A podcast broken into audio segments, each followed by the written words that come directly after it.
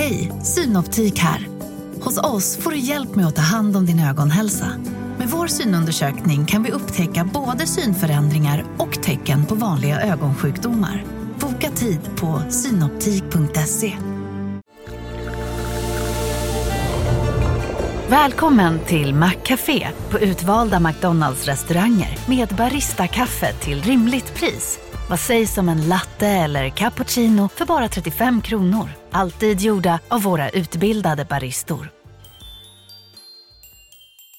Hej, Susanne Axel här. När du gör som jag och listar dig på en av Krys vårdcentraler får du en fast läkarkontakt som kan din sjukdomshistoria.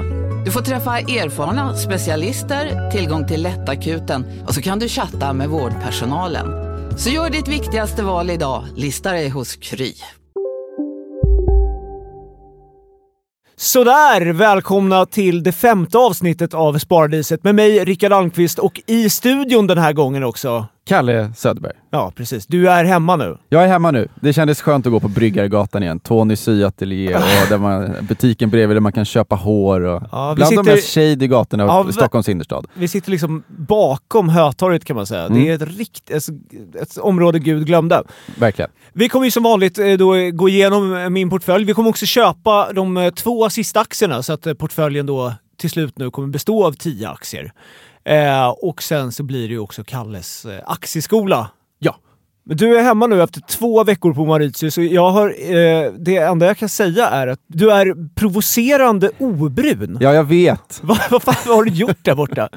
Nej, det här, ja, min, min sambo Elinor är typ lite irriterad på att jag är så här blek. Hon tänkte att hon skulle få en lite brunare, snyggare pojkvän. Ja, Det fick hon inte. det är som att vaska två veckor liksom. Ja, Alltså, det, är väl- det är väl så hon resonerar också Ja. kanske lite grann. Varför är du inte brun, Kalle, tänker hon. Och eh, jag har, jag har gått och blivit solskygg. Ja. Jag har- det är i och för sig bra. Jag har ju- keps och solbriller hela tiden och kommer jag upp från poolen eller havet, då lägger jag mig i skuggan.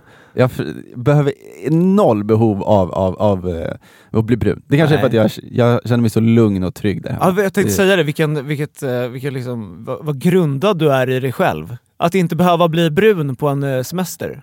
Kanske, eller så jag vet inte om det är någon typ av eh, sambokilon brukar man prata om. Det kanske är något liknande. Vad, vad menar du? Eller? Att, att jag liksom är så trygg i min, i min relation att jag släpper på vissa saker. Jag bryr mig mindre. Ja, just det. Ja, just det. Men du har haft det bra. ja Ja. verkligen. Eh, Nu är du tillbaka i... eh, i du, du kom ju hem lagom till snön kom. Ja, jävlar ja. Men du missade, du missade snö, alltså det riktiga snökaoset. Ja. Då har du också missat, det är ju intressant när det blir sånt här snökaos, att det, det, är liksom, eh, det dyker alltid upp i media, så dyker det upp lite olika karaktärer som man känner igen. De återkommer år efter år. Och det var ingen skillnad eh, det här året. Det, det, det, som, det, det, som, det första som brukar hända, det är på morgnarna då när man nås av snö. Man slår på någon slags, eh, kanske morgonstudion eller Nyhetsmorgon. Då är ju alltid ah, de här stackars praktikanterna, alltså reportrarna, Ja, ja. som är Ja. ute på fält och eh, ska då eh, bli förnedrade. Alltså nyhets, de som sitter i studion, de tycker att det är jävla kul att skicka ut de här stackarna. Och det är ju samma sak nu i år. Vi är glada att sitta här och blir nästan skadeglada av att se dig där, Kasper. Vart är du och hur stökigt är det? Ja, alltså man får ändå säga att det, det, det snöar ordentligt, det blåser ordentligt och, och det ger ju den här klassiska liksom, vad ska man säga, effekten av att det snöar vågrätt liksom Tittar man på rakt. dig Kasper så ser det ut som att man är ganska sugen på att stanna hemma idag va? Eller hålla sig kvar på jobbet om man redan har tagit sig fram så att säga. Stackarn alltså. Det är något med att de ändå de ska ut i snö. Ja. Det där var ju då Morgonstudion. Expressen körde ju också en, eh, ett unikt grepp på att förnedra eh, en, en praktikant. Då. Det kanske inte är en praktikant, men en, en reporter som kanske inte är högst upp på redaktionen. Nej, nej. Med rubriken “Så snötäckt blir det på 10 minuter”. De har alltså tvingat ut en reporter att ställa sig utanför, alltså bara någon meter utanför hu- Expressenhuset. Men det måste nästan vara inspirerad av han på TV4, vet jag, Marcus... Eh, Marcus Noterius ja, exakt. Det är lite i den andan ändå. Det är, det är en typ av, eh, jag vet inte vad man ska kalla den, någon, någon slags förnedrings... Jag skulle säga det. det. Det är lite nollning nästan. Ja, exakt! Ja, Ja, men så det, det är då det, första som händer när Ja. snön kommer. Det andra, eh, det andra som händer det är ju då att ehm, folk eh, lackar på hur dåliga bilförare är. Oftast är det ju någon, kanske i Norrland, som berättar hur, eh, hur stockholmare är dåliga på att hantera snön. Men eh, i år så var det ju ingen mindre än eh, vår allas eh, Stefan Sauk. Bristen på omdöme hos människor är alltså det man blir nästan, man tänker det här är inte sant. Man stannar en bil och säger och pekar på backen och ser, de ser massa bilar framför sig, de står stilla, de står huller om buller, har åkt, kasat ner för en backe, man säger snälla du, eh, ska du köra för backen där? Eh, ja. Ja, kör, gör inte det, du kommer inte upp. Jag lovar dig. Om det inte är så att du har, att du har jättefina dubbdäck, fyrhjulsdrift och verkligen kan köra bil. Då kanske du har en chans. Ja, men jag ska på möte. Ja, jo, jo, jag, jag förstår det. Ja, men det... Ja, ja, ja okej, men du gör som du vill. Men annars ska jag försöka köra rakt fram om du kommer fram där. Jag vet inte, det är en backe där borta också. Men, men, men pr- pröva du. Tack. Och jag tänker så här. Vad fan är det med folk? Det var då den, det andra som händer. Om man följer den dramaturgiska mediekurvan i snö, snöoväder. Det, det tredje som ofta brukar hända och som väl är det, det, det liksom mest outhärdliga, det är när exhibitionist... Exhib, exhibition... Vad säger man? Alltså de som ska visa sig eh, på styva linan. De som inte... De tycker inte att det är, nu, det är inget problem med lite snö. Ja, ja. Ska du ta någon skidåkare nu? Ja, exakt. Mm. De som tar på sig skidorna och åker eh, skidor till jobbet. Då. Men här har jag kommit över en, alltså det, det är något... eh, Något av det störigaste man har sett alltså. Jaha. Eh, det är någon, så här, vad kan han vara, 45-50, som då berättar om hur det gick till. Han blev intervjuad i Nyhetsmorgon. Han berättar då om hur det gick till när han tog sig an det här snövädret. Alltså ly- lyssna nu på, det, på det här. Be- betänk också att han är mellan 45 och 50. Ja. det ballaste åket ever, alltså någonsin. Det var bland det coolaste jag gjort. Min eh, äldsta vän och vapendragare Tue ringde mig, eller han textade mig igår morse och bara “Fan vi måste köra, måste köra Kaffebacken”. Och då var jag precis där på väg in till stan. Jag bara textade tillbaks, eller jag textade inte när jag körde förstås. Men då, Bra, bra, bra. han fick, reda på, han fick reda på att det gick inte att köra där för att det är för flackt. Alltså rent, det var inga bilar ute och körde så det hade ju, det hade ju funkat men, men eh, det är för flackt. Så att, eh, jag åkte till Söder och scoutade lite och mycket riktigt åt Bastugatan och Brännkyrkobacken heter den väl. Där var det liksom pow! Eh, helt orört. En lastbil hade satt sig på tvären högst uppe på Bastugatan. Så att det var ju orört. Va- Liftkortet, vad kostade det? Ja, vi har klippkort. Eh, vi, vi åker gratis nu. Vi är gamla söderkisar. Det är väl lite kul är det väl ändå? Vad, Ja. vad, vad, Men det tycker jag ändå att det kan vara. Nu Ja. tycker jag att du är lite hård. det, var ju, det var ju outhärdligt att titta Ja, på. Kanske, men jag tycker ändå att det var lite Ja. kul. Nej, men så det, det, det där, eh, skönt att du missade Ja, det. ja. Eh, eh, så nu, nu, nu är det bara att blicka framåt. Eh, hur, hur mår du i övrigt? Ja men det är bra. Jag, jag är väl lite i en knivig situation. Jaha, spännande. Mm. Let, let me hear. Jag, jag måste fatta ett beslut här. Eh, jag ska stå på scen nästa onsdag. Jaha. Eh, Vad, vad då för scen? Stora aktiedagen heter den. Min eh, arbetsgivare Aktiespararna Ja. eh, arrangerar då det här. Och, Vad är, det, vad är det för något? eh, det är, för man kan komma dit och lyssna på bolag som presenterar sin verksamhet och man Ja. kan också lyssna på experter som, som står och pratar om, om börsen. är du man tror. expert i det här sammanhanget? Och då är jag expert. Du ja. är det? Ja. Är du nervös? Ja, men jag blev kanske lite nervös när jag fick reda på att jag ska stå på scen med en väldigt känd eh, svensk eh, förvaltare Jaha. som liksom syns överallt. Jätteduktig, jag gillar honom. Jonas Olavi heter han. Okej. Eh, han- han har varit med i gamet länge. Han är väldigt... Tät eller? Det är han förmodligen, ja. Eh, också högt, högt ansedd hos, hos eh, liksom alla i finansbranschen. Tror du han lyssnar på podden? Nej, det tror jag inte. Det kan du ju tipsa om, om, om att göra. Ja, det kommer jag jag. absolut inte våga göra.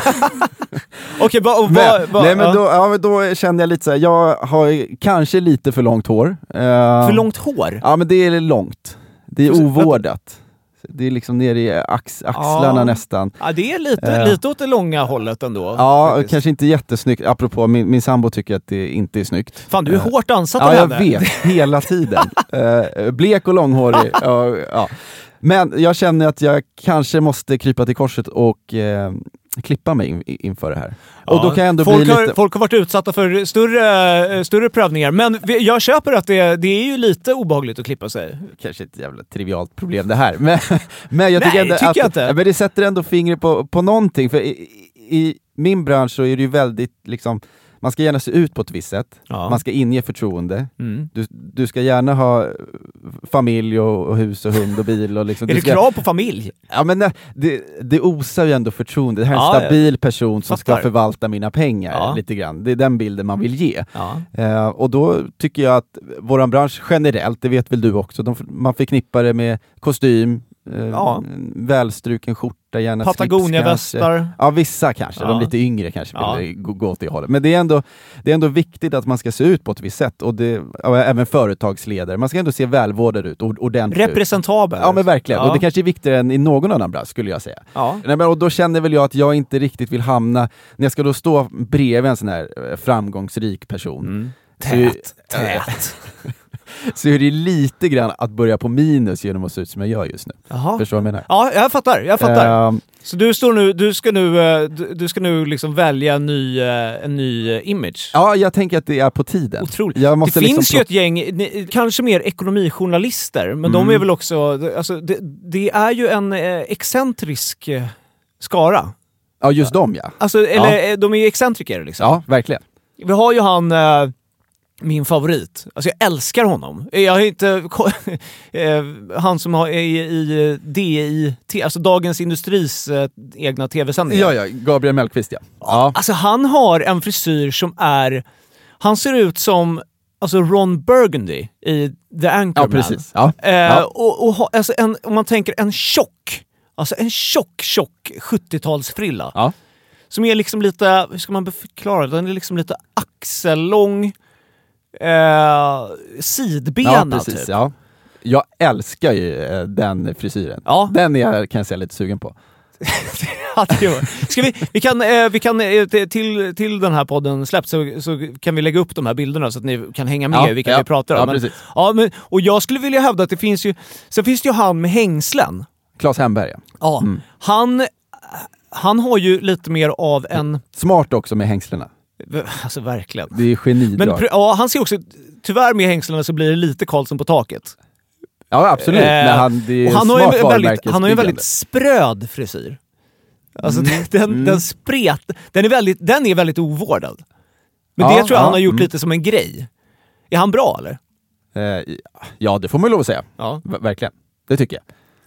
Ehm, är det något, den frisyren, är det någon, är det någon, hur känner du kring det? Nej, då lockar nog Gabriels Ja. eh, mer. Men samtidigt, Claes, det är någon som alla har lyssnat på, i väldigt, eller alla, men många där ute har ju lyssnat på honom. De finner en väldig trygghet i honom. Mm. Han osar trygghet. Eh, Skulle du kunna rocka ett par hängslen? Jag önskar det, ja, men jag, jag tror inte det. Nej, nej, där går... Men, eh, men, och sen så finns det ju en, eh, en, en, en tredje eh, eventuellt och det är ju Mikael Dahlén. Ja, just det. Mm. Alltså, Ekonomiprofessorn. Ja. Mm. Han är inte helt olik eh, Dave Grohl, alltså Nej. sångaren i Foo Fighters. Verkligen. Eh, Himla trevlig, sympatisk kille. Ja, men jag kan tänka mig det. Han har ju, eh, han har ju då, för de som inte vet, han blev känd, eh, han breakade med att va, hålla på med ekonomi och ha svart nagellack. Just det, och Och tatueringar hår. överallt och långt hår. Ja, Ja. skägg och liksom. Allt Ja. som kanske inte finansbranschen brukar Men, men jag tänker att vi kan ju, vi kan ju göra en poll på Instagram. Så får man gå in och, du- man får gå in och rösta på vilken stil du ska ha. Ja, vad spännande. Och så måste du då Ja, men det är det. Måste... jag, som tänkte, ja. jag som tänkte mig närma mig Patagonia-hållet kanske lite mer. Ja. Det, men... Men gå in och rösta då på sparadiset eh, understreck podcast. Så kan ni skriva, skriv då ett, två eller tre. Ja, men det är en bra början. Absolut, absolut. Men du, eh, ja, det eh, var kul att du är hemma. Nu eh, dundrar vi väl igång Det gör podden. vi. Ja. Ja.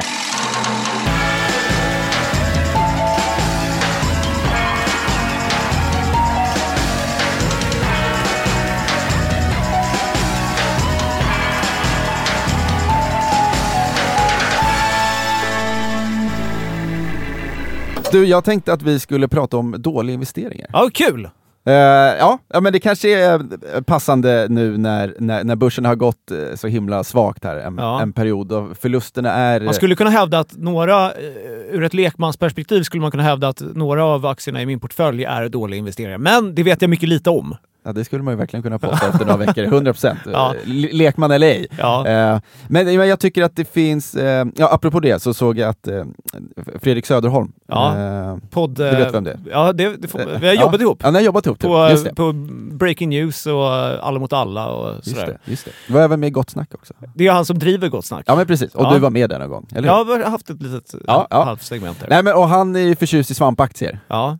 Och jag noterade att han, han pratade om aktiekillen i eh, Ja, du fick inget Sparadiset. namn. Nej jag fick inget namn, exakt. Men aktiekillen där var ju väldigt skeptisk till, till, till svampaktier och att han eh, därför skulle gå liksom contrarian. Ja, precis. Han, Och- han skulle minsann ändå köpa Ja, eh, svampaktier t- mot din, ditt eh, råd då. Ja precis. Ja. Men och här, så här, på det temat då med att ta hög risk och någonstans så jag, jag kommer ju vara den här tråkiga rösten som ändå tycker att det är möjligt att det kommer gå vägen, men jag tycker fortfarande att det är alldeles för stor risk att man förlorar Ja men du, pengar. precis. Alltså, det är för mycket, det är för mycket som, eh, som står på spel.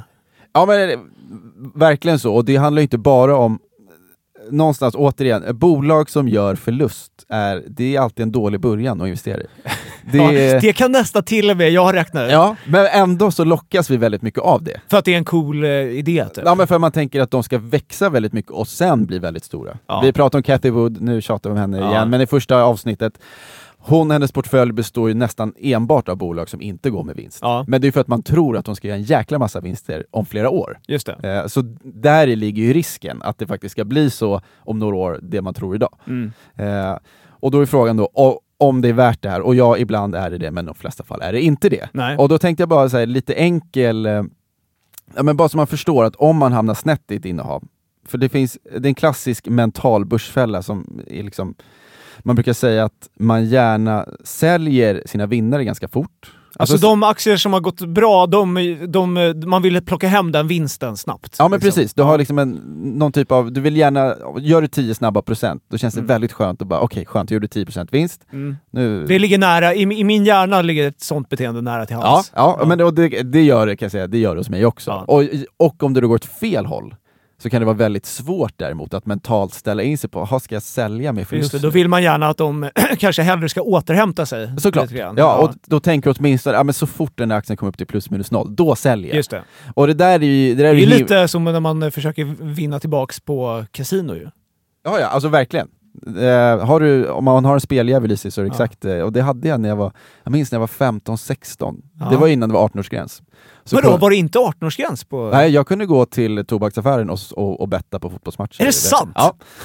Och, och det gjorde jag kan jag säga. Och eh, brände mig, jag tog liksom mina sparpengar. Alltså minns till och med att jag hade 500 spänn en gång och bettade på tre fotbollsmatcher och jag torskade. Och, men då kände jag ju också att det här är ju inte sunt. Nej. Men jag kände också den här extremt starka speljäveln, att nu måste jag vinna tillbaka de här Ja. 500. Och jag måste göra det fort, jag måste göra det nu. Aha, vad ska jag spela på nu? Så tog jag ännu högre risk på några andra matcher för att jag måste vinna tillbaka.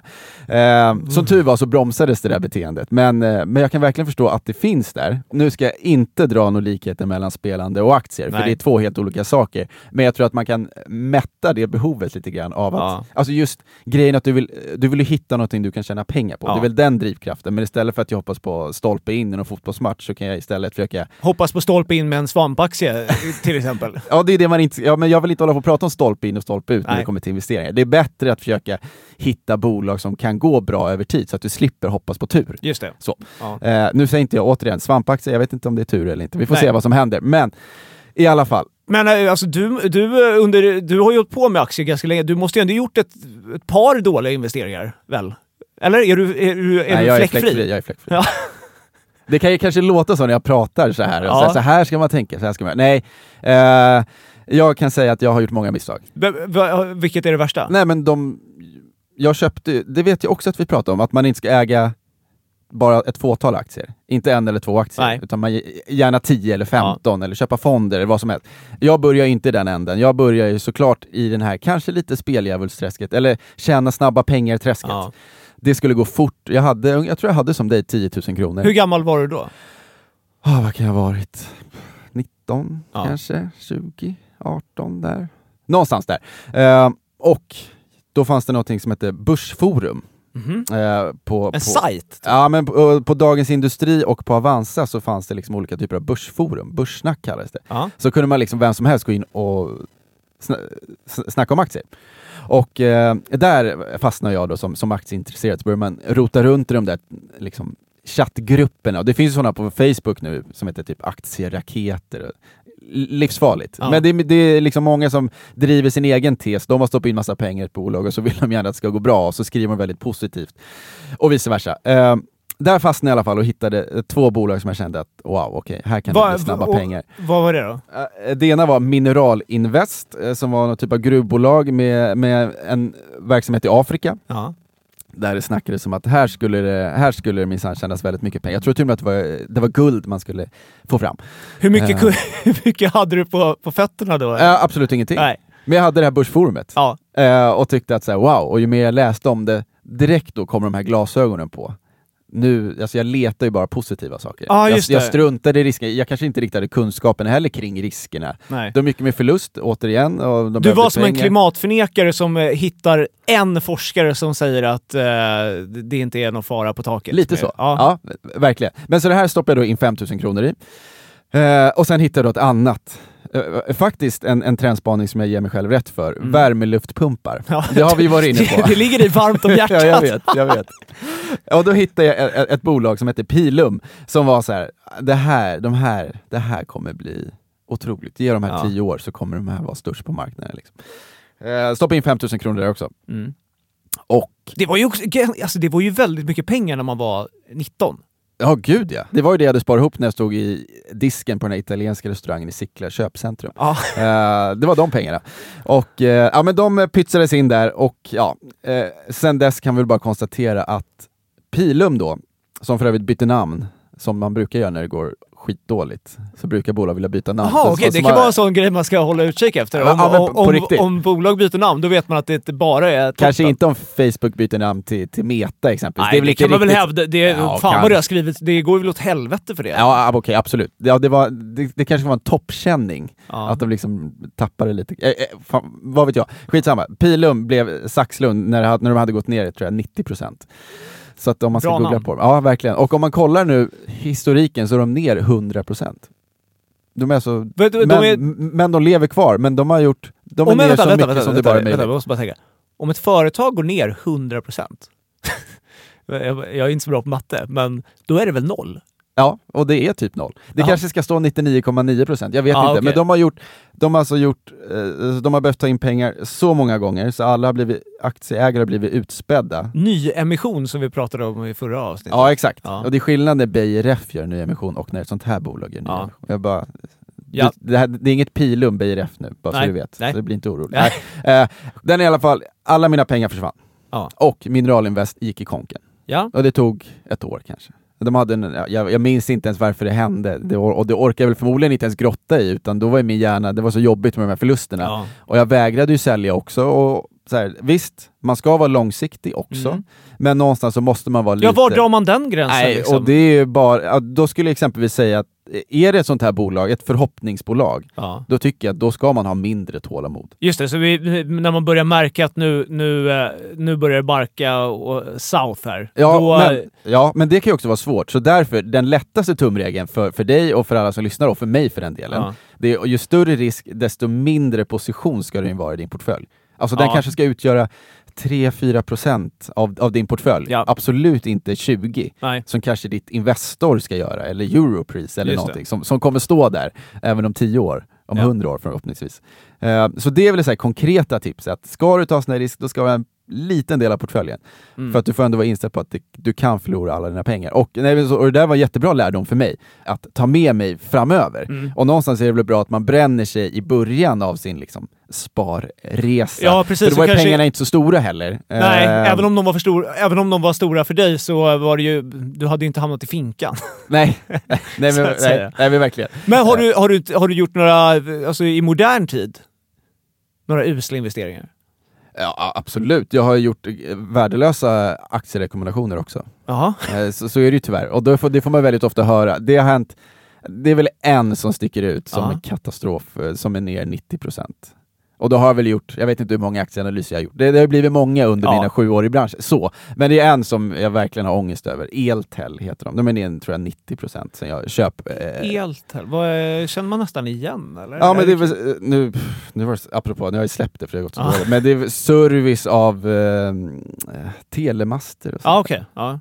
Ja, okej, det känner Ja. jag inte igen. Jag Nej. tänkte på Telge Energi, det var därför. Nej, nej ingenting sånt. Men det, det var en katastrofrek och då är det ju många som skriver till mig och sa ah, tack för tipset Kalle, liksom, jag har förlorat. Off with här. your head, skriker ja, de. Absolut så. Ja. Eh, så är det. Nej men så det händer ju, men återigen, jag tror att man, man lär sig också. Kanske Mm. också blir lite fegare. Ja. Så. Eh, vilket även smittar av sig på din portfölj. Men jag hoppas att det kommer löna sig Ja. på, på sikt. Ja, precis. Jag, tänk, jag är ju ganska glad. Det hade, som jag sagt tidigare, det hade varit jobbigt om du var en cowboy, en aktiecowboy, som investerar i svampaktier. Ja. Då, hade jag, då hade jag tyckt att det var lite jobbigare. Ja men, eh, ja, verkligen. Men du, jag har några eh, faktiskt eh, skrämmande räkneexempel Ja. som jag vill att du ska trycka in i, i, eh, i huvudet. Det är bra. Men liksom, ehm, Ja, men så man förstår Ja, jättebra. faktiskt vad det innebär för, för, för din portfölj med någonting som går ner väldigt mycket. Ja. Eh, för om vi då tänker att en aktie går ner 50%, Mm. det är mycket. ja, det är hälften skulle jag få göra det till. Ja. Ja. Det är korrekt. Ja. Eh, då måste den gå upp 100% för att det ska vara plus minus noll. Eh, då ska vi se. Ja, precis. Om den måste går- bli... Eller ja, den måste, en bli, aktie. den måste ju bli dubbelt så stor ja. Ja precis, du Ja. köper en aktie för 100 kronor, den går ner till 50. Ja. 50 ska upp till 100 igen. Ja. Det är en dubbling, det är 100%. Yes. Ja. Eh, om någonting går ner 80%, då måste det gå upp 400%. Ja, den är ju lite svårare för mig Ja, att den är svår i huvudet. Ja, Vänta men, här nu då. Men rent matematiskt blir det så. alla Ja men vänta här då. Den går ner 80%, Ja. då är det 20% kvar. Ah, okej, Ja. t- ja, alltså jag, jag får inte ihop det matematiskt men jag fattar bilden typ att den måste gå upp 400. Ja, ni hör, det är inget mattesnille som pratar. Men ja, okej, vi, Ja. får, vi får ta det på orden då. Ja, det får ni enkelt. helt enkelt göra. Och sen om, om en aktie går ner 90%, Ja, då är det Då bara må- 10% kvar. då, ja, då måste den gå upp 900%. Ja. för det ska vara plus minus noll. Bara så man har det lite i, i, eh, i huvudet när Just det kommer det. till att man ska sitta och vänta på att någonting ska återhämta sig och att man gärna vill, osä- eh, man gärna vill sälja när någonting är plus minus noll. Ja. Då ska man veta hur långt det är dit upp. Så att om ett innehav går jättedåligt så ska man i alla fall ha med sig att om den här aktien ska vända och du ska gå plus minus noll så är det en himla resa Ja, det- som det- ska till. Ja, just det. Det är en jävla resa dit. Ja, ja men verkligen. Okej, ett eh, till exempel då. Ja. Matematiken som är emot oss. Ja. Den är emot mig hela tiden kan jag, säga. Men ja, ös på. Ja, men om vi då tänker din portfölj. Ja. Ehm, vi säger att eh, vi börjar nu för några veckor sedan. Mm. Det har ju gått sådär hittills och börsen är ner... Eh, vad, vad, ja. Ja, vi kommer in på det lite Ja, men vi- senare vi när vi pratar om portföljen. Ja, ja, men men den är, ja, nej, det är inte bara guld och gröna skogar. Nej, nej, men så är det. Men ponera då att, eh, att vi ändå rider ut den här stormen och eh, din portfölj har stigit 20% första året. Ja, det är, väldigt, det är ju ganska mycket. Det får ändå. vi vara nöjda över eftersom vi har pratat om snittavkastningen över tid är 10%. Ja. Så 20% det är ju jättebra. Ja. Eh, om då tänker att eh, din portfölj stiger 20% första året. Mm. Mm. Alltså 10 000 kronor. Och Ja. då lägger jag in, om vi leker med tanken att jag inte lägger in 1000 kronor i månaden då, utan det är 10 000 som jag lagt in som en engångssumma. liksom. Precis, ja. korrekt. Eh, då har du då 12 000 kronor efter första året. Ja. Ja. Sen stiger portföljen 20% till. Ja. Mm, det vore också trevligt. ja, det är verkligen. Ja, då har du 14 400 kronor. Ja. Ja.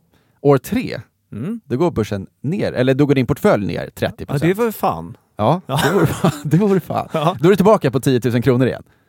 Ja, just det. Så så fort kan det ändå gå. Och bara så man ska ha lite respekt för vad en sån nedgång ändå innebär. Ja, just det. Det är därför man... Okej, så... Eh, Så trots två jättebra år så kan det rasera på ett år om det går dåligt. sen. ja, jag fattar. Så kontentan är väl egentligen, och det, alltså återigen, det är svårt att bara, det, det är ganska oskönt att slänga sig med att undvika stora förluster för då går det Mm. bättre. Det, det, det säger väl absolut ingenting hur man Jag, jag som aktierådgivare, det är den typen av tips jag hade kunnat ge. Ja, Och undvik förluster. Ja, men och det är också väldigt lätt att slänga sig med sånt Ja. eh, i våran bransch också. Men, så därför, så här, rent konkret, för att undvika det här, så försök att ha en känsla för vilka bolag som är störst risk och liksom låt innehavet vara därefter Ja. i portföljen. Det är väl ett så här, konkret tips, och kanske bara undvik bolag som gör förluster kanske. Ja. Det kan också vara en enkel tumregel. Eller om, Tydlig tumregel. Ja men det, verkligen, och det är ganska lätt att kolla upp. Det finns sådana sajter, det går ganska fort att bara få en överblicksbild av okej, så här mycket växer de varje år. Vad är det för sajter? Det kan ju vara värt att nämna. Eh, det finns ju diverse, om du bara googlar finns det vissa gratis-sajter. Mm. Men sen finns det ju en, en tjänst som heter Börsdata som inte kostar skjortan för Ja. privatpersoner, som man, som man skulle kunna ha. Då kan man, då kan man söka på ett bolag så får du upp liksom, historiken. Mm. Så. Och det kan vara bra. Ja. Och därför tycker jag det är viktigt att komma ihåg att man kanske också då ska behålla vinnarna lite längre. Alltså Ja. att man vågar eh, Våga sitta på den, eh, den Ja. vinstmarginalen eller vad man säger. Ja men alltså, för om man tittar sannolikhetsmässigt så brukar man då i aktiesammanhang säga att det som, det som har gått bra tenderar att fortsätta gå bra. Mm. Och lite tvärtom. Så det ska man också bära med sig. Så att eh, ja, om vi, om vi har gjort i någonting som går upp 10% så kanske vi inte bara direkt ska, ska sälja. Nej. Utan vi kanske ska våga sitta på dem. Kanske finns en anledning till att de aktierna går bättre. För att då det underliggande bolaget går bra förmodligen. Ja. Ja. Ehm, ja men så det är två, det, eller två, det, det är i alla fall några tumregler som, som kan göra som gör portföljen mindre riskfylld att det här ska kunna ske. Ja, men det är svinbra. Och det är, också, det är också härligt att få se att du är en människa av kött och blod, som också har fuckat upp. Ja, det tycker jag. Ja. Ja, men jag tänker att lyssnarna också tycker det. Det är väl härligt att du är mänsklig. Ja, ja men eh, ja, jag har gjort många misstag, ja. Ja. ja. Och med det sagt så är det väl dags att rusa vidare till eh, Aktieskolan va? Var sprattlar man säkrast i kärlekens barn? Hos Kalle. Vilken Kalle? Kalle. Vilken Kalle? Hos Kalle, Kalle, Kalle, Kalle på Spången. Ja, och jag tänker att den här aktieskolan, vi, eh, vi fortsätter att eh, prata om det vi precis har pratat om. Ja. Vi rider på det temat. Ja. Så, och eh, det finns något som heter Snitta inte ner dig. Snitta inte ner Ja, dig. det, Ja. låter, eh, det kan vara en... Är, det en, tips. är det en vanlig liksom, term? Ja, men det är en, det är en klassisk mental börsfälla i alla fall. Jaha. Eh, Mm.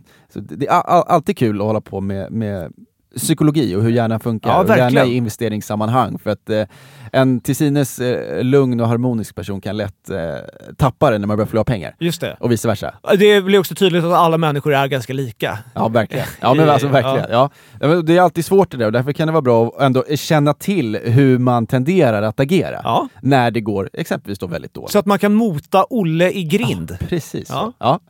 Eh, och därför så tänkte jag då prata lite om det här med att snitta ner sig och varför man ska vara försiktig med det. Ja. Och, och, och vad det betyder. Ja, kan börja där kanske. jag börjar där. Eh, och det betyder då helt enkelt att om vi säger att du köper en aktie för 100 kronor Mm. och så går den ner 10 Ja. Och så köp, och om du då, då kan det ju vara lockande att köpa lika många aktier till. För, Ah, va, vänta, du köper en aktie för 100 kronor, den Ja. går ner 10 ja, då, blir, då är den, står den i 90 kronor. precis. Om du då köper fler aktier på Ja. 90 kronor, då blir ju din plus minus noll, den blir lägre än 100 kronor. Alltså din inköpskurs Ja, just det. blir först 100 kronor Ja. och sen 90 kronor. Ja, så du, Och då du, blir det du, det, snitt- blir, det blir medelvärdet mellan 100, alltså det blir då 95 kronor. Ja, om du köper, för, om du köper li- li- lika många aktier. Ja, precis. Ja, ja exakt. Så ti, om du köper 10 aktier för 100 kronor Mm. och så köper du 10 aktier för 90 kronor, Ja. då får din totala portfölj då, den får då ett per aktiepris på 95 kronor. Precis, så då räcker det med att aktien bara studsar upp till 95 så är det plus minus noll. Just det, men det bygger då på att du har köpt fler aktier. Ja. Ja. Ja. Och det här kan ju vara väldigt lockande. Mm. Att Det, är om som någonting- att, precis, det är som att säkra upp lite. Typ. Ja, men och kanske lite det här med att man ska, alltså speldjävulen, att man Ja. ska vinna tillbaka. Ja. Det är ändå lite på det temat att om man då köper fler aktier, men då ska den bara gå upp till den här nivån, så plus minus noll i alla fall. Ja, gud vad skönt. Eh, och det här kan ju vara, alltså det här är ju ett irrationellt beteende att köpa någonting bara för att det går ner. Mm. Och det är väl det jag vill lyfta fram, för det kan absolut vara bra, alltså nu när din portfölj har gått lite svagt. Ja. Jag blir sugen, ja men vissa aktier kanske har gått ner för mycket. Mm. Då kanske man vill dubbla det innehavet. vi Just var det. inne på det förut, vi kanske skulle ha köpt för 500 kronor i två omgångar. Just det, för, för att få ett bättre snittpris Ja, per precis. aktie. Då. Ja, exakt. Eh, så det, jag säger inte att det är fel att göra det, men man ska ändå vara försiktig, för det är lätt hänt att man liksom köper en gång och så går det ner 10% och så köper man igen och så går det ner 10 till Ja. och så köper man 10 och så, så håller man på sådär. Och så hamnar, bara, hamnar man bara i en ond spiral. Just det, och då har, du helt, då har du ju helt plötsligt ett ganska stort innehav. Alltså en stor procent av din portfölj består ju då, helt, om du snittar ner flera gånger, Ja. Så blir det då en ganska stor del av din portfölj. Ja men verkligen, och det här är bara liksom, typiskt irrationellt att du köper bara för att det går ner. Det är Ja. väl det jag vill säga. Just det. Sen kan det vara bra att göra det ibland, men om, om, alltså om det går väldigt dåligt, man ska inte bara köpa för att gå ner. kort Nej, precis. Det blir ändå viktigt att, att, komma ihåg och det är väldigt lätt hänt att hamna i den för att det är lockande att se den här snittkursen som du har köpt för, att den kommer ner. Mm. Eh, så plötsligt från att du är minus 30% i ditt innehav så är du plötsligt ner hälften av det. Då känns det lite lättare kanske. Precis, men då ska men man det också är- vara medveten om att du har stoppat in betydligt mycket mer Ja, pengar. och att den kanske med lite större sannolikhet också kommer fortsätta gå ner. Ja, Ja. Ver alltså verkligen. Och en aktie kan ju liksom alltid halveras en gång till så. Det är Ja. inga problem. Kolla på Pilum. Så. Ja. Eh, sen, är, sen är alla inte som Pilum, men eh, det är ändå bra att komma ihåg det här när man gör investeringar. Ja. Återigen, det är mycket fokus på risk. Och minimerar man riskerna så, så kommer det löna sig över tid. Det är i alla fall min övertygelse. Ja, bra. Tack för Aktieskolan! Ja, varsågod! Vilken Kalle! Kalle! Vilken Kalle! Kalle, Kalle, Kalle, Kalle på Spången! Vi ska eh, kolla på min portfölj nu, Kalle. Ja. Eh, hur, eh, är du orolig, eller hur känns det? Eh, ja, men jag, jag, jag vet ju facit så. Ja. Eh, och jag tycker att det känns väl helt okej att vi ändå håller oss bättre än, än, än börsen just nu. Ja, vi gör det ändå. Vi gör det. Ja, Eh, ja men det, det har jag faktiskt... eh, Det, det, så jag spelar förvånad. Det vet jag ju faktiskt eftersom jag- har appen själv. Eh, Ja, och du kollar mer än en gång dagligen det, det gör jag verkligen. Ja. Det gör jag verkligen. Mm, det gör jag också. Eh, ja, men så det är ju bra. Ja, så att vi är då, börsen är ner 1% på en månad. Alltså vi- hela, hela, ja, och hela då, börsen. Ja, och eh, vi är upp eh, knappt 1%. Ah, okej. Så att, det är ändå en liten spread. Ja. Och eh, ska jag bara slänga in det, att man kan ju jämföra sig mot olika typer av börser. Ja. Jag tror vi har varit inne på det. Ja, kanske snuddat på, men Ja. det, är, ja, det är bra. Du får refresha för mig om inte för jag eh, kommer fan inte ihåg. Nej, men, och hade jag, så här, man kan ju ha index som inkluderar utdelningar och inte inkluderar utdelningar. Ja. Alltså, för din portfölj kommer ju också växa av att du får utdelningar Ah, från ja, bolagen. just det, just det. Så då blir den, min portfölj Eh. blir lite dopad då kan man Ja, säga. exakt. Och då kan du ju välja då för att det ska se bättre ut, så kan du jämföra med ett index som inte inkluderar utdelningar. Ja, fiffigt. Ja, och Där har de bara- tänkt till. Ja, och då vill jag bara säga då, for the record, Ja. att vi tittar på ett index som inkluderar utdelningar. Ja, Så okej. jag är fair och öppen här. Jag hade kunnat fått det att se bättre ut. Det är rent. Ja. Så att, eh, men 2% bättre än index i alla fall Det är, det, får, det är väl verkligen bra. Ja, och eh, börsen har ju varit ganska svag nu på slutet. Mm. Eh, och jag tror att det kanske är då för att vi har lite mer försiktiga aktier i portföljen. Ja. Eh, Några av dem i alla fall. Det är i alla fall lite större bolag, men alltså absolut, vi har ju några, Några brakförluster vi har också. några surdegar. Vilka är de då? Ja, BRF har vi väl pratat Ja, tillräckligt om. Eh, Inte ett ord till om BRF. Nej, verkligen. Nej, men och sen, alltså allmänt så är ju börsen ju väldigt svag nu. Bankaktier har gått lite svagt. Ja. Det är lite oroväckande. Jag såg att Handelsbanken var ner ganska mycket. Ja, och det är lite allmän bankfrossa. Ja. Eh, på grund av lite oroliga signaler från, från USA. Det är en bank som heter Silicon Valley Bank Ja. som, som behövde ta in mer pengar. De har det lite svettigt. Ja. Eh, deras kunder har valt att plocka ut eh, stora summor pengar. Och, eh, Det låter lite läskigt nästan. Ja, och det är väl det, det har blivit en liten hiccup Ja. så, på, på För börsen. man vet ju hur det gått förut när folk har börjat plocka ut pengar ur banker. Alltså, alltså verkligen. Och tankarna går ju osökt till finanskrisen. Eh, och det har ju skapat en, en viss oro på marknaden och ja, eh, Handelsbanken eh, har kommit ner nu lite grann Mm. eh, efter det här. Och eh, så här, jag tror inte, jag känner mig inte orolig för att det här skulle liksom vara på något sätt något, ett tecken på att vi har en ny finanskris Nej. eh, framför oss. För att eh, bankerna står betydligt starkare idag ändå. Ja. Det ska verkligen sägas. Det, de, har gjort en stor, de, har, de har gjort ett stort förändringsarbete och de har tvingats av politiker Mm. att de ska, ha, de, de ska vara mer stabila, de ska ha mer eh, pengar som ska liksom finnas där för att kunna stötta verksamheten. Så det känner mig ändå ganska trygg med och deras låneutgivning är inte alls lika riskabel som förut. Men det är ändå, marknaden har blivit lite nervös. Ja. Och var det, är, det här liksom, är det här snöbollen som, eller det ska, som kommer bli en snöboll? Ja. Ehm, och dessutom så ses det som ett ytterligare tecken på, vi har eh, tjatat om eh, lågkonjunktur. Mm. Lågkonjunktur är inte bra för bolagen och för aktierna. Nej. Alltså om det blir sämre tider då tjänar man sämre pengar, eller mindre pengar, och då går det rimligen sämre på börsen. Ja.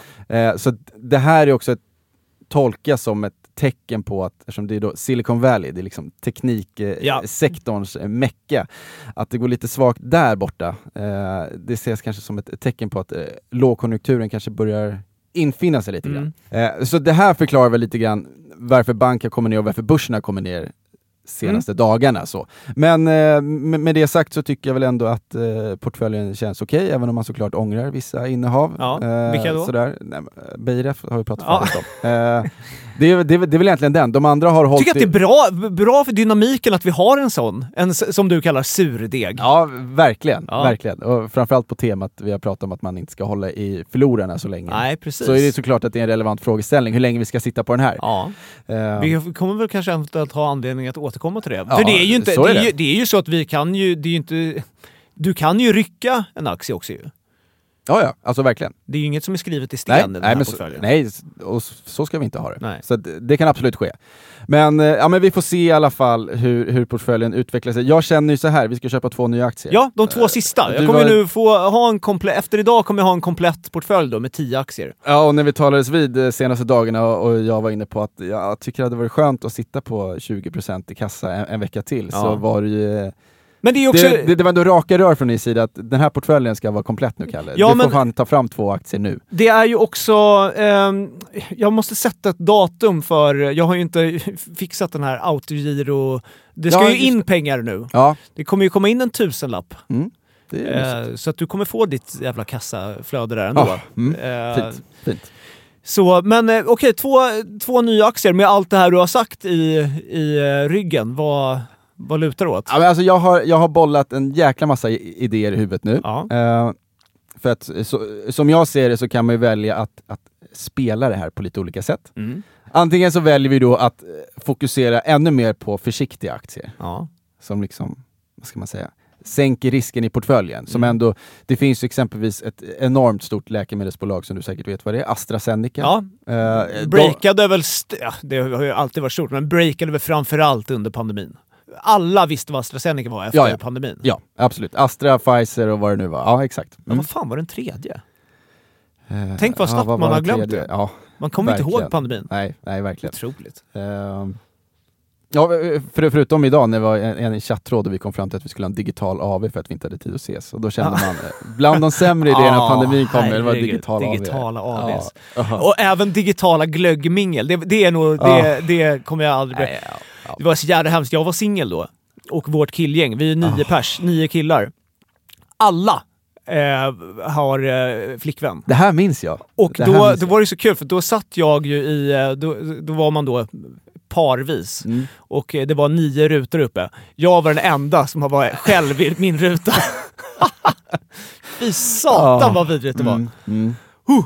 Ja, Ja, nu blickar vi framåt. nu blickar vi framåt. Ja, men så ena tanken är ju då att vi, vi håller oss till väldigt försiktiga bolag. AstraZeneca, det är ett av Ja. få bolag som har kunnat, så här, man kollar tillbaka historiskt, Mm. under stora kriser som har varit, Mm. så har deras vinst knappt rört sig under de här värsta perioderna. Vi vill gärna se att bolagens vinster växer hela Ja. tiden. Men om shit hits the fan, Ja. ska vi gå in i en ny finanskris, alltså vi pratar om oron som nu finns i banksektorn. Ja. Man är lite orolig för att det ska bli väldigt mycket jobbigare det här med Mm. konjunkturen och vad ska hända med alla de här räntehöjningarna, ska de till slut förstöra någonting i ekonomin? Mm. Ja, då kanske man vill ha någonting som man faktiskt vet står sjukt stabilt även om det skulle bli jättejobbigt. Ja. Ja, och då har AstraZeneca visat historiskt att de tappar inte massa pengar bara för att det blir sämre tider. Nej, okej. ja. Ja, så. Ja. Och det är ett av få bolag som inte ens har, deras vinst har inte ens gå- hamna på minus, utan Nej. de har liksom fortsatt. Ja. Det är en väldigt attraktiv egenskap och eh, om man liksom ska skissa lite framåt så borde de kunna växa vinsterna 10-15% kommande åren. Vilket är, tycker jag är jätteattraktivt för någonting som är så stabilt. Verkligen. Eh, så det, jag var inne på det spåret. Mm. Också ett telekomoperatör i Tele2 Ja. eh, som också är liksom stabilt. De har kommit ner lite på eh, senaste månaderna, har gått ganska svagt. Bland Känns så jävla, alltså, för, för, från mitt perspektiv Ja. så känns den typen av företag, Telenor, Tele2, Ja. eh, tre i den mån de finns kvar. Det vet- Telia. Telia. Ja. Är, alltså skiljer de sig på något sätt? Det känns som att det är samma företag. Typ. Ja men lite, alltså absolut. Det kan väl vara... Vad är det med Tele2 du har fastnat för? Eh, det jag har fastnat för är att det här är ett bolag som har väldigt stabila kassaflöden Ja. och en väldigt hög direktavkastning. Alltså de delar ut mycket pengar till dig som aktieägare. Ja. Så det är också lite så här övervintringsaktie så. Mm. Eh, och den har faktiskt, ja men som sagt, den har gått väldigt svagt nu, nu på slutet. Bland annat kanske på grund av hö- höga energipriser. Ja. Har faktiskt pressat telekomsektorn mer än vad man trodde. Men, men här får du ändå totalt konjunkturokänsligt i princip. Eh, låg tillväxt men ändå stabil lönsamhet och eh, väldigt mycket pengar i sin kassa. Ja. De kommer skifta ut väldigt mycket pengar till sina aktieägare. Och eh, då tycker jag att det här kan vara ett, ett, eh, bra alternativ. Så. Ja, alltså Eh. jag, jag opponerar mig inte. Jag tycker att det här, du pitchade in dem bra. Ja, men och då är frågan, antingen väljer vi att gå på det Ja. och liksom bygger på. Vi har ju ändå Europris och Europris. Eh, jag och- vet, man, man får äh, pris Ja, det när man säger Europe. Ja. Europe. Det är svårt att säga Europris. Ja, Det är svårt. Ja, verkligen. Eh, Eller så går vi åt andra hållet och tänker att eh, i, i ett klimat där tillväxten i ekonomin är låg, alltså vi ska Mm. gå in i lågkonjunktur, Ja. Vad kommer marknaden rimligen leta efter då också? Dels det som är defensivt, som inte påverkas, men också bolag som kan växa i en sån miljö. Just det. För det Det- finns många sådana också, som inte påverkas så mycket av hur ekonomin går. Nej. För de har den här underliggande strukturella trenden Ja. som jag om. Bland annat värmepumpar. och då finns det något som heter live casino.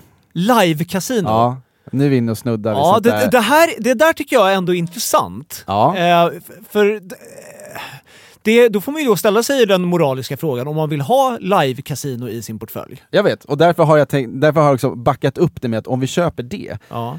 eh, det är Evolution heter de som jag tänker på. Ja. Svenskt eh, framgångsrikt bolag som eh, växer så det knakar, superlönsamt, de växer sina vinster jättemycket. Fantastiskt bolag, Ja. eh, faktiskt så. Eh, Rent, fa- fantastiskt rent pengamässigt. Ja, exakt. Ja, ja, men det, ja. Ja. Mm. Eller, och då kan vi då väga upp det genom att köpa en hållbarhetsfond. Men-. Går du på kan den? Man, nej, alltså knappt. va? Nej. Alltså det är då som att du... Alltså du, du liksom... Eh, eh, eh, du, du sonar för dina synder. Ja, lite så. Om man nu tycker att det är eh, syndigt att Ja. köpa live Nej, men, du jag, måste- jag, helt ärligt, jag vet, inte, jag vet faktiskt inte riktigt var jag, var jag står i den Nej. frågan. Eh, och jag tänker väl kanske att jag får fundera lite på det. För jag, jag, jag ska helt, Ja. ärligt, helt ärligt ska jag inte avfärda dem, absolut inte. Men jag måste kunna eh, motivera det för mig själv. Ja, men jag köper det. Jag köper det. Okej, då har jag ett tredje alternativ Ja. här. Eh, är du mer sugen på, apropå faktiskt hållbarhet, så det går ju att hitta trender som gynnas av det här, det har vi varit inne på förut. Mm. Eh, gruvbolag kan faktiskt vara en sån grej.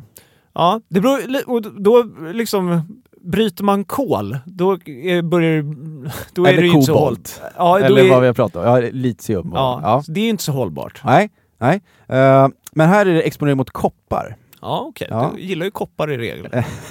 Nej, men den här gröna omställningen, den, den innebär ju att vi kommer se ökad efterfrågan på metaller. Ja, ja men det, och det Och förstår mineraler. jag. Det är ju, alltså ska vi ha, ska vi gå mot en vad säger man, elektrifierad, eh, Precis. då kommer ju det behövas. Så Ja. det är ju, det, man kan ju inte, om man, om man gillar hållbarhet kan man ju inte vara så här, vi vill ha elbilar men vi vill inte gräva i gruvor. För då, då tänker man ju lite fel. Ja men det blir svårt. Ja. Och dessutom så är det så här att gruvsektorn generellt har varit väldigt underinvesterad i flera år. Ja. Det är någonting man har pratat om som, som då ett köpargument till att man kanske, det finns fler bolag som har exponering mot det. Epiroc är ett sånt eh, svenskt bolag Mm. exempelvis, eh, som jag tycker är lite spännande. Men också Lundin Mining.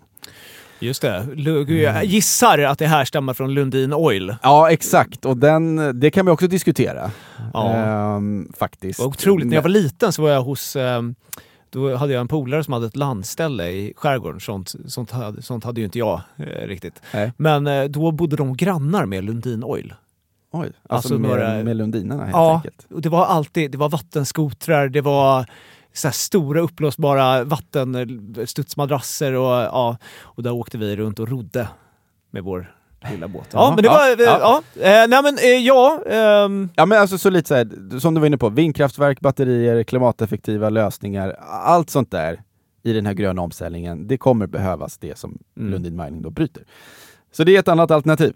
Så har du tre, vad känns bäst? Vi, vi, vi fimpar eh, Evolution-grejen då. ja, vad, och vad var andra? Ja, den första var ju då om vi skulle ta AstraZeneca och Tele2. Ja. Jag skulle, sä- jag skulle säga att AstraZeneca och Tele2 låter känns bäst i magen. Eh, Sen tycker jag så här att eh, jag är, vill inte vara kategoriskt emot den typen av eh, liksom, företag som du föreslog. Men jag, jag tror nog att jag måste liksom själv läsa på lite om dem. Ja men jag fattar, jag köper det. Det, det är fine. Och man ska ju komma ihåg att eh, alltså, gruvnäring, det är också, det är i sig konjunkturkänsligt Ja. också. Alltså efterfrågan på koppar exempelvis kommer ju påverka. Ska vi ner i en djup lågkonjunktur, Mm. då kommer inte det vara positivt för Lundin Mining. Nej. Men det här är ett, kanske då ett spel, återigen, Mm. på att om det nu är så att ma- marknaden har varit för orolig, aktien har ändå gått ganska svagt, man kanske har tagit ut för mycket negativt. Vi kanske inte ska vara så oroliga för en hård landning av ekonomin som man pratar om. Ja, men då kanske det här är ett sätt att vara exponerad. Ja. Så. Och så finns det då de här underliggande strukturella trenderna, så det finns liksom tillväxt där fast det kanske inte finns det i övriga världen. Så. Ja. Men okej, ska vi bestämma Tele2 och AstraZeneca? Vi, vi kan ju som sagt byta ut de aktierna Ja, nej men, eh, jag tycker vi slår till på de två. En tuss var. En tuss var. Ja. Eh, och sen så blir då portföljen komplett. Det kommer även då ligga en till tusenlapp i kassan då. ja, och det är ju kanon. Ja, ja men svinbra. Det, det, var, det blev de eh, två aktierna. Ja, vi slår till nu. Eh, toppen. Du, ehm, hur, eh, hur ser helgen ut? Eh, ja, du försöker ju locka med mig ut på, på några bärs idag. Ja, med Eh, blandad framgång hittills. Ja, alltid svårflörtat. Ja. Eh, sen blir det nog ganska lugnt. Vi, alltså, resväskor och kläder ligger överallt där hemma just nu. Det ska tvättas och det ska donas och det ska kommas ikapp.